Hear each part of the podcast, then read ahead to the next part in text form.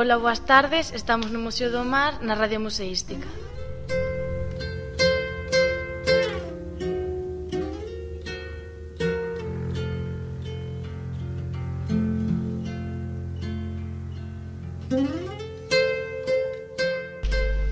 Bueno, agora vamos a facer a entrevista a Alfredo, que é o director de Chantada Films e o que dirixiu a película de O labirintoario, na que agora estamos pois eh, dando este apoio xa que está nomeada aos premios Mestre Mateo. E agora os meus compañeiros vanche facer unhas preguntas. A primeira pregunta que che quería facer eu, que é o mar para ti?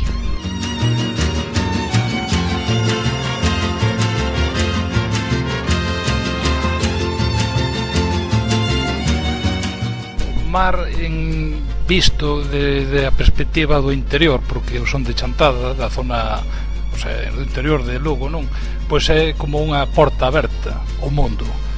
Feito, pois, eh, considero que mesmo a sociedade, non? Pois é moi distinta do interior a, a que teña o que sea, que teña mar, non?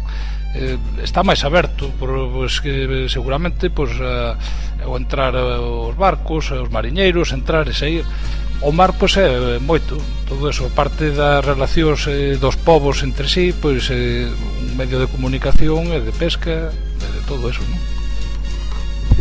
A primeira vez que viches o mar que te deixaches por os teus adentros se che gustaba ou que che parecía? Sinceramente non lembro, non, non lembro a primeira vez que, que vin o mar Pero bueno, seguro que foi unha experiencia maravillosa Como calquera de vos que ve eh, unha inmensidade de auga tan grande con arrecifes e con carrochas e, e a praia, non? Pero seguramente asombrado totalmente, ver. Como te, como te imaginabas este Museo do Mar? Pois vamos a ver, máis ou menos eh, eh o que é a estrutura, non? Te refires ao, ao de dentro, un pouco de todo. O de dentro eu me imaginaba pois eh, que vería algúns eh, aparellos marítimos como, como vin eh, o que non me podía imaginar que iba, ia topar a cabeza dunha balea aquí, non? Os osos, pero eh, todos os aparellos, as conchas, eh, todo todo o que vin. Eso, pois a verdade, eh, non, non, non encontraba topar eso. E eh, gustoume moito tamén o que tedes aquí no Museo do Mar de Cervo, que son as maquetas de dos barcos todos, non? De distintas épocas, pesqueiros, de navegación, etc.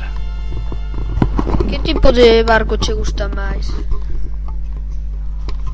pois como gustar todo, non? Quizás eh, o que che pode chamar un pouco a atención pois son os petroleros, que tamén vimos unha que tedes aquí unha fantástica colección de fotografías antigas, tanto de todo tipo de barcos que son moi chamativos, algún chamounos moito a atención que estaba todo coberto o barco, como se fora un transatlántico enorme, pero todo coberto, non? E preguntamos eh, a directora do, do museo e eh, díxonos que que dentro era para transportar coches, non? E cosas curiosas que claro, xente que nunca que non soubemos estar tan familiarizados co mar, nin ca zona nin ca zona da marítima, pois chocanos moito e chámonos a atención. Que sala foi a que che, a que che, a que máis che gustou? Pois quizáis a, a dos barcos a que teñen as maquetas Ainda que tamén a, cabe, a cabeza do, do vallenator que tedes aquí tamén é sinceramente impresionante xa de antes a Cibrao? Non, non coñecía, o sea, sabía da súa existencia como outros povos que tes por aquí, de Foz, etc, pero non nunca viñen por aquí. E agardo volver porque gustoume moito. E que tal os nosos compañeiros de San Paio de Narla? Pois, eh, desde logo moi, moi vos, non? Pero eh, estades eh, aquí todos vos adicándonos este apoio incondicional a unha curta que fixemos eh, que axuda da, da vicepresidente da vicepresidencia da Deputación de Lugo, a súa área de cultura, eh, o apoio incondicional que temos eh, tanto da área de cultura como todos vos que estades aquí realizando este programa radiofónico pois claro, non, non agardo máis que un bo acollimento que teño por parte de todos vos, claro que sí. Eh, A ti o traballo de, de, de director dunha curta Que che parece excitante ou como? Pois mira, máis que excitante casi estresante, non? Vou abordar dar agora unha primicia que non lle dixe ainda ninguén, xa que vamos rematar aquí no Museo do Mar, pois eh, comentarvos que precisamente mañán vamos a comezar unha nova curta enchantada. Entón, pois, eh, lóxicamente, está un moi nervioso porque eh, o director non é máis co que leva unha, unha batuta, non? O sea, ten que dirixir e ten que controlar un pouco o cotarro dun equipo, non? Pero o, o que se fai en sí, a, a grandeza de, de facer algo é o equipo humano, non? Tanto técnico como artístico que intervenen. Eh, é un traballo tamén todo en cadea, como falle un, pois xa non se pode rodar, se me falla un actor tampouco, se entón eh, a grandeza que ten de, de facer un proxecto audiovisual de calcar característica, non? sei se a corto, largo ou mediometraxe, é ese, o sea, que haxa unha coordinación, que haxa un equipo humán, que todo o mundo intente facer eh, o seu traballo o mellor posible, que, que todos estén pendentes de todo, que para que intentar que ese proxecto de a luz, pois pues, eh, merece a pena todo, non? Todo o esforzo eh, psicolóxico, por decir de alguna maneira, xa por non mencionar o, o económico. Falemos do equipo que fixo o laberintoario e dos distintos traballos dos guionistas, dos actores e os produtores. Pois vamos a ver, mira, eh, Chantada Films é unha asociación cinematográfica sin, sin ánimo de lucro, non? Entón, eh, o ideal aquí, pois claro, sería ser unha produtora grande, ter un eh, un, un financiamento tamén importante. Entón eh, eu creo que te refires ao, ao, as, as distintas partes non? De que hai que facer. Ben, o primeiro que se fai nestes traballos é a produción. Producir, eh, por decirlo de alguma maneira é conseguir as cousas eh, que necesitamos para, para, para hacer esa, ese curtametraxe. Por exemplo, está ambientado nos anos 20 eh, aí temos unhos actores que van a intervenir pois, lóxicamente necesitamos roupa dos anos 20 necesitamos eh, o que lle chaman atrezo atrezo é o, o que está vendo ao redor non?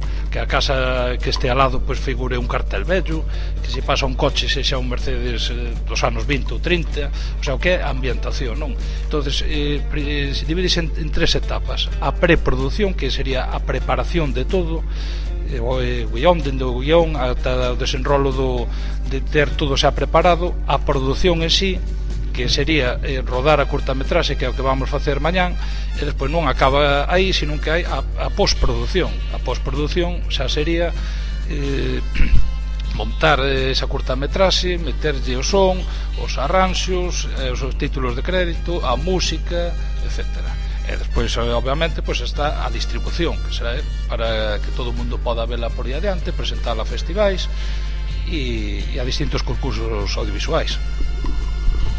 Costa moito con, co, conseguir todo ese material de atreso? Pois mira, eu vouche falar, pois, por exemplo, agora dende, dende esta, esta está ambientada nos anos 20 é máis que nada hai que moverse moitísimo, non? Porque eh, tampouco é que a veces que gastar eh, moitos cartos, quero dicir, a veces non che queda máis remedio se si, si queres un traxe dos anos 20 eh, na túa casa non o vas a ter.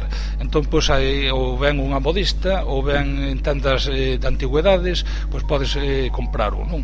Entón pois hai cousas relativamente que que che poden parecer, parecer moi sincelas de conseguir e que realmente ao final son moi difíciles de conseguir e outras que, que as consigues ou mesmo estás eh, poncha, podes conseguir un veciño teu ou un amigo teu que a base de andar preguntando pois mira, preciso un abrigo de tales características un pantalón, a ver se me podes atopar e eso.